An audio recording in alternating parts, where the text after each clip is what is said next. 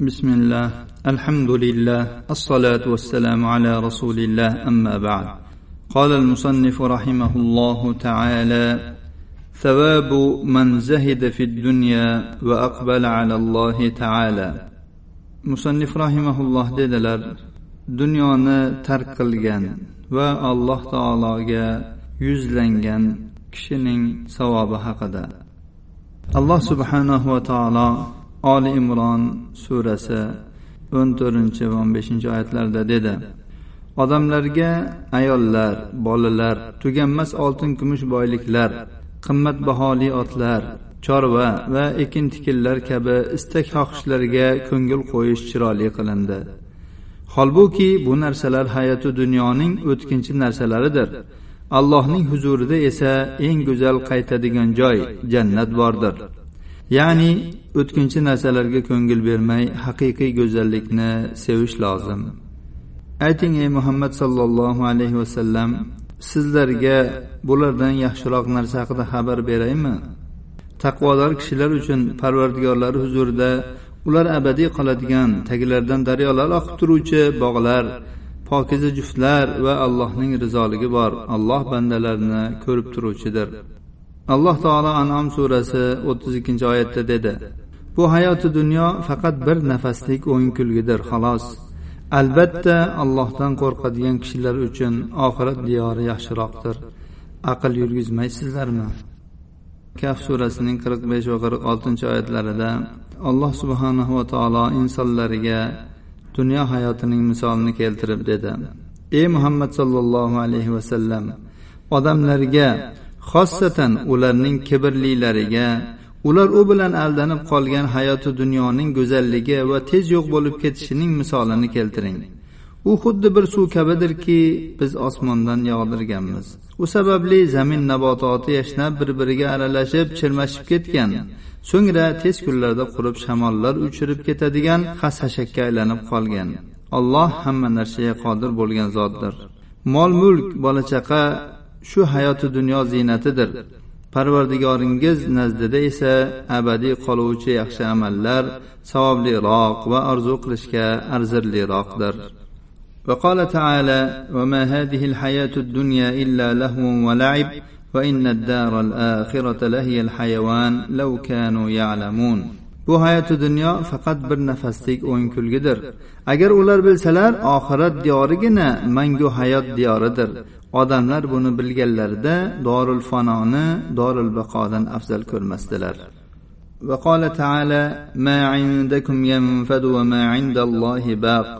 Alloh taolo nahl surasi to'qson oltinchi oyatda dedi sizlarning huzurlaringizdagi narsalar yo'q bo'lib ketadi. Alloh dargohidagi narsalar esa boqiydir va qola taala وما اوتيتم من شيء فمتاع الحياه الدنيا وزينتها وما عند الله خير وابقى افلا تعقلون alloh taolo qasas surasi oltmishinchi oyatda dedi. Sizlarga berilgan narsalar faqat hayoti dunyoning mato va ziynatlaridir. Alloh huzuridagi ajr mukofot esa yaxshiroq va boqiyroqdir axir aql yurgizmaysizlarmi? Alloh subhanahu va taolo qasas surasining yetmish to'qqizdan sakson uchinchigacha bo'lgan oyatlarida qorun haqida va uning mol dunyosini orzu qilganlar haqida ushbu so'zlarni dedi. So'ng qorun qavmi oldiga yasan tusan qilib chiqqan edi. Hayoti dunyoni istaydigan kimsalar eh qani edi bizlar uchun ham qorunga ato etilgan molu davlat bo'lsa edi. Darhaqiqat u ulug' nasiba egasidir dedilar. Ilm ma'rifat ato etilgan kishilar esa o'lim bo'lsin sizlarga. Iymon keltirgan va yaxshi amal qilgan kishi uchun alloh beradigan ajr savobi yaxshiroqku. U savobga faqat sabr qanoatli kishilargina erishadilar dedilar. Biz qorunni ham uning hovli joyini ham yerga yuttirdik. So'ng uning uchun allohdan yordam beradigan o'zga biron jamoat bo'lmadi va uning o'zi ham g'oliblardan bo'lmadi. Kunigacha uning martabasini orzu qilgan kimsalar vo ajab olloh bandalaridan o'zi xohlagan kishilarning rizqini keng qilib o'zi xohlagan bandalarining rizqini tang qilib berar ekanda agar alloh bizlarga marhamat qilmaganida bizlarni ham yerga yuttirgan bo'lardi. Vo ajab kofir bo'lgan kimsalar najot topmas ekanda deb qoldilar. biz o'sha oxirat diyorini yer yuzidan zulmu zo'ravonlik va buzg'unchilik qilishni istamaydigan kishilar uchun qilurmiz. Oqibat taqvo qiluvchi kishilarnikidir وقال تعالى يا ايها الناس ان وعد الله حق فلا تغرنكم الحياه الدنيا ولا يغرنكم بالله الغرور الله alloh taolo fotir surasi beshinchi oyatda dedi ey insonlar albatta ollohning qayta tiriltirish va bu dunyoda qilib o'tilgan yaxshi yomon amallarning mukofot jazosini berish to'g'risidagi va'dasi haq va'dadir. Hargiz sizlarni hayoti dunyo aldab qo'ymasin va hargiz sizlarni olloh barcha gunohlarni kechirib yuboraveradi deb aldovchi shayton aldab qo'ymasin. Oyatlarni qisqalarini arabchasini o'qiyapmiz uzun oyatlarni qiroatini qoldiryapmiz. Alloh taolo hadid surasi yigirma va yigirma birinchi oyatlarida dedi. Bilinglarki bu hayoti dunyo faqat bir nafaslik o'yin kulgi zeb ziynat o'rtalaringizdagi o'zaro maqtanish va mol dunyo hamda farzandlarni ko'paytirishdir xolos. U xuddi bir yomg'irga o'xsharki uning yog'ishi sababli unib chiqqan o't o'lani dehqonlarni hayratga solib aqllarini band qilib qo'yadi. So'ngra u quriydi. Uni sarg'aygan holda ko'rasiz. So'ngra u quruq cho'p bo'lib qoladi. Hayoti dunyoning holi ham shundan o'zga emasdir. Oxiratda esa o'sha to'rt kunlik dunyoga aldanib qolganlari uchun qattiq azob va iymon e'tiqod bilan o'tganlari uchun alloh tomonidan mag'firat va rizolik bordir. Hayoti dunyo esa faqat aldovchi matodir. Ey insonlar parvardigoringiz tomonidan bo'ladigan mag'firatga hamda alloh va uning payg'ambarlariga iymon keltirgan zotlar uchun tayyorlab qo'yilgan kengligi osmon va yerning kengligi kabi bo'lgan jannatga shoshiling. Bu ya'ni va'da qilingan mag'firat va jannat allohning fazlu marhamati bo'lib uni o'zi xohlagan kishilarga ato etadi. Olloh ulug' fazlu marhamat sohibidir.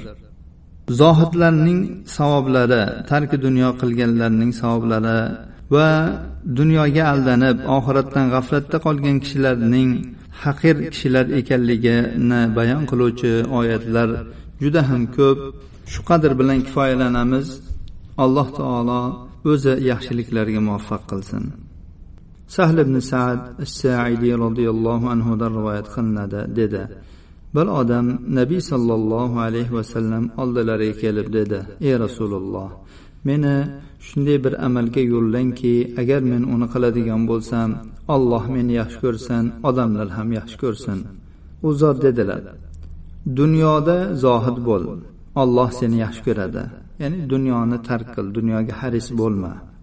Odamlarning qo'llaridagi narsalardan zohid bo'l behojat bo'l odamlar seni yaxshi ko'radi. Ibn moja va bayhaqiy rivoyatlari sahih targ'ib tarhibda uch ming ikki yuz o'n uchinchi raqam ostida hasanun lig'oyrihi deb hukm qilingan. وعن ابن عمر رضي الله عنهما عن النبي صلى الله عليه وسلم انه قال من جعل الهم هما واحدا كفاه الله هم دنياه ومن تشعبته الهموم لم يبال الله في اي اوديه الدنيا هلك رواه البيهقي وشيخه الحاكم ibn umar roziyallohu anhudan rivoyat qilinadi. Nabiy sollallohu alayhi vasallam dedilar kim g'amini tashvishini bitta qilib oladigan bo'lsa ya'ni oxirat g'am tashvishi qilib oladigan bo'lsa alloh taolo uning dunyo g'am tashvishiga kifoya qiladi. Kimning g'am tashvishlari tarmoqlashib yoyilib ketadigan bo'lsa sochilib ketadigan bo'lsa alloh taolo uni dunyoning qaysi bir vodiysida halok bo'lganiga e'tibor ham bermaydi. Uni tashlab qo'yadi. Imom bayhaqiy va imom hokim rivoyatlari sahih targ'ib va tarhibda uch ming bir yuz yetmishinchi raqam ostida hasanun lig'ayrihi deb hukm qilingan. وعن زيد بن ثابت رضي الله عنه قال سمعت رسول الله صلى الله عليه وسلم يقول من كانت الدنيا همه فرق الله عليه أمره وجعل فقره بين عينيه ولم يأته من الدنيا إلا ما كتب له ومن كانت الآخرة نيته جمع الله له أمره وجعل غناه في قلبه وأتته الدنيا وهي راغمة رواه ابن ماجه والتبراني وابن حبان zayd ibn sobit roziyallohu anhudan rivoyat qilinadi dedi. Men rasululloh sollallohu alayhi vasallamdan shunday deyayotganlarini eshitdim. Kimning g'ami dunyo bo'ladigan bo'lsa alloh uning ishlarini sochib tarqoq qilib yuboradi va uning muhtojligini faqirligini ikki ko'zining o'rtasiga qilib qo'yadi. Ya'ni peshonasiga qilib qo'yadi. Unga dunyodan faqat u uchun yozilgan narsagina keladi. Har qancha harakat qilsa ham kimning niyati oxirat bo'ladigan bo'lsa olloh uning tarqoq ishlarini jamlab qo'yadi va uning behojatligini qalbi boyligini qalbida qilib qo'yadi. Dunyo unga o'zi xohlamasada majburan keladi. Ibn moja tabaroniy ibn hibbon rivoyatlari sahih targ'ib va tarhibda uch ming bir yuz oltmish sakkizinchi raqam ostida sahih deb hukm qilingan ushbu hadisni imom termiziy ham rivoyat qilganlar وخرجه الترمذي من طريق يزيد الرقاشي عن أنس ولفظه قال رسول الله صلى الله عليه وسلم من كانت الآخرة همه جعل الله غناه في قلبه وجمع له شمله وأتته الدنيا وهي راغمة. Imom termiziy ushbu hadisni yazid raqoshi orqali anas roziyallohu anhudan rivoyat qilganlar lafzi quyidagicha. Rasululloh sollallohu alayhi vasallam dedilar kimning g'ami oxirat bo'ladigan bo'lsa alloh uning behojatligini qalbiga qilib qo'yadi. U uchun uning sochilib ketgan ishlarini jamlab qo'yadi. Dunyo majburiy holatda. O'z xohlamasa ham uning oldiga keladi. Imom bazzar ham ushbu hadisni rivoyat qilganlar. رواه البزار أيضا ولفظه قال قال رسول الله صلى الله عليه وسلم من كانت نيته الآخرة جعل الله الغنى في قلبه وجمع له شمله ونزع الفقر من بين عينيه وأتته الدنيا وهي راغمة فلا يصبح إلا غنيا ولا يمسي إلا غنيا ومن كانت نيته الدنيا جعل الله الفقر بين عينيه فلا يصبح إلا فقيرا ولا يمسي إلا فقيرا. Imom bazzor rivoyat qiladilar رسول الله rasululloh الله alayhi vasallam dedilar kimning niyati oxirat bo'lsa olloh uning boyligini behojatligini qalbida qilib qo'yadi. U uchun tarqoq ishlarini jamlab qo'yadi. Ya'ni u har xil ishlarga fikri sochilmasdan alloh taolo ularni uning ishlarini yengil qilib xuddi ko'p ishni bir martada bitirgandek bitirib ketaveradi. Ishlari yurib ishlari tez tez bitib uni ya'ni mashg'ul qilib turmaydi. Shorihlar shunday deganlar. Faqirlikni uning ko'zi oldidan olib tashlaydi. Dunyo unga majburiy holatda keladi. U boy bo'lib tong ottiradi boy bo'lib kech kirtiradi boy bo'lib ya'ni behojat bo'lib. Kimning niyati dunyo bo'ladigan bo'lsa olloh faqirlikni muhtojlikni uning ikki ko'zi o'rtasiga qilib qo'yadi. U faqir bo'lib tong ottiradi faqir bo'lib kech kirtiradi ushbu hadisga sahih targ'ibot tarhibda uch ming bir yuz oltmish to'qqizinchi raqam ostida sahihun deb hukm qilingan. وعن أبي الدرداء رضي الله عنه عن النبي صلى الله عليه وسلم أنه قال ما طلعت الشمس قط إلا بعث بجنبتيها ملكان إنهما يسمعان أهل الأرض إلا الثقلين. يا أيها الناس هلموا إلى ربكم فإنما قل وكفى خير مما كثر وألهى. ولا غربت شمس قط إلا وبعث بجنبتيها ملكان يناديان اللهم عجل لمنفق خلفا وعجل لممسك تلفا رواه أحمد وابن حبان والحاكم. أبو الدرداء رضي الله عنه رواية قنادى النبي صلى الله عليه وسلم dediler biror bir kun yo'qki quyosh chiqadigan bo'lsa albatta uning ikki tomonida ikki farishta yuboriladi. Ya'ni birga chiqishadi. Ular butun yer ahliga eshittirib aytadilar. Faqat insu jin bundan mustasno bo'ladi. Aytadilarki ey odamlar robbingizga kelinglar. Oz bo'lgan va kifoya qilgan narsa ko'p bo'lib mashg'ul qilgan narsadan ko'ra yaxshiroqdir. Va biror kun quyosh botmaydiki albatta bu quyoshning ikki tomonida ikki farishta shunday nido qilgan holatda yuboriladi. Ey allohim infoq qiluvchi ya'ni mol dunyosini yaxshi yo'llarda sarf qiluvchi kishi uchun sarflagan narsalarni o'rnini to'ldiradigan narsalaringni tezlatgin. Molini sarflamasdan ushlab turgan kishi uchun talafni tezlattirgin. Imom ahmad ibn hibbon hokim rivoyatlari sahih targ'ib va tarhibda uch ming ikki yuz yigirma oltinchi raqam ostida sahih deb hukm qilingan وعن ابي هريره رضي الله عنه قال تلا رسول الله صلى الله عليه وسلم من كان يريد حرث الاخره نزد له في حرثه الايه ثم قال يقول الله ابن آدم تفرغ لعبادتي املا صدرك غنى وأسد فقرك وإلا تفعل ملأت صدرك شغلا ولم أسد فقرك. رواه الترمذي وقال حديث حسن وابن ماجه وابن حبان والحاكم.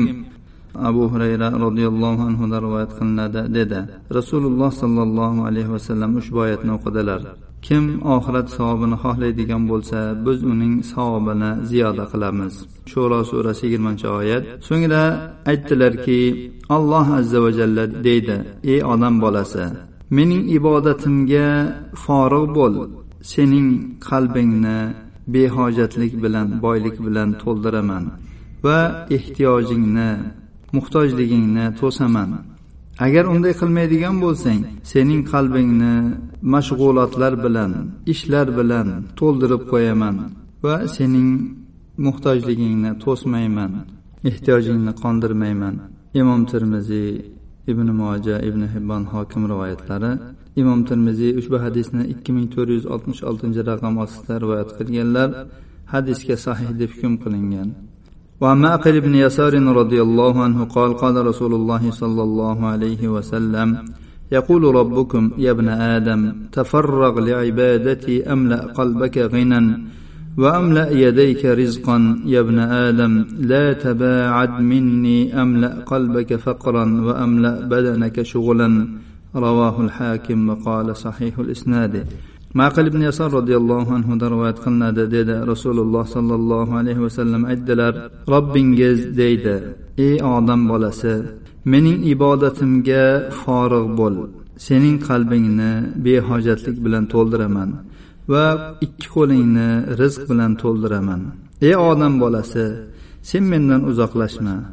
Agar shunday qilsang seni qalbingni faqirlik muhtojlik bilan to'ldiraman badaningni mashg'ulot bilan ishlar bilan to'ldirib qo'yaman. Imom hokim rivoyatlari sahih targ'ibot tarhibda uch ming bir yuz oltmish beshinchi raqam ostida sahih deb hukm qilingan. وعن عمرو بن الحمق رضي الله عنه قال قال رسول الله صلى الله عليه وسلم إذا أحب الله عبدا عسله قالوا ما عسله يا رسول الله قال يوفق له عملا صالحا بين يدي اجله حتى يرضي عنه جيرانه او قال من حوله. رواه ابن حبان والحاكم. amr ibn al hamiq roziyallohu anhudan rivoyat qilinadi dedi rasululloh sollallohu alayhi vasallam aytdilar agar alloh taolo biror bandani yaxshi ko'rib qoladigan bo'lsa uni asal qiladi sahobalar ey rasululloh uni asal qilishi nima u zot dedilar. U uchun ajali oldidan bir solih amalni muvaffaq qiladi toki bu bilan uning qo'shnilarini yoki uning atrofidagi kishilarni rozi qiladi. Ibn hibbon hokim rivoyatlari sahih targ'ib va tarhibda uch ming uch yuz ellik sakkizinchi raqam ostida sahih deb hukm qilingan. Alloh subhanahu va taolodan barchalarimizni o'ziga faqir bo'lgan dunyodan esa behojat bo'lgan. Faqat o'ziga ibodat qiladigan vaqtlarini alloh taoloni rozi qiladigan ishlarda sarflaydigan alloh esa ularning qalblarini behojatlik bilan to'ldirgan o'zi rozi bo'lgan bandalardan qilishini va barchalarimizni umrimizni oxirida asal qilib qo'yishini xohlaymiz. Asal qilishini ma'nosini hozirgina aytib o'tdik. عسلكم الله هذا وصلى اللهم على نبينا محمد وعلى آله وصحبه وسلم.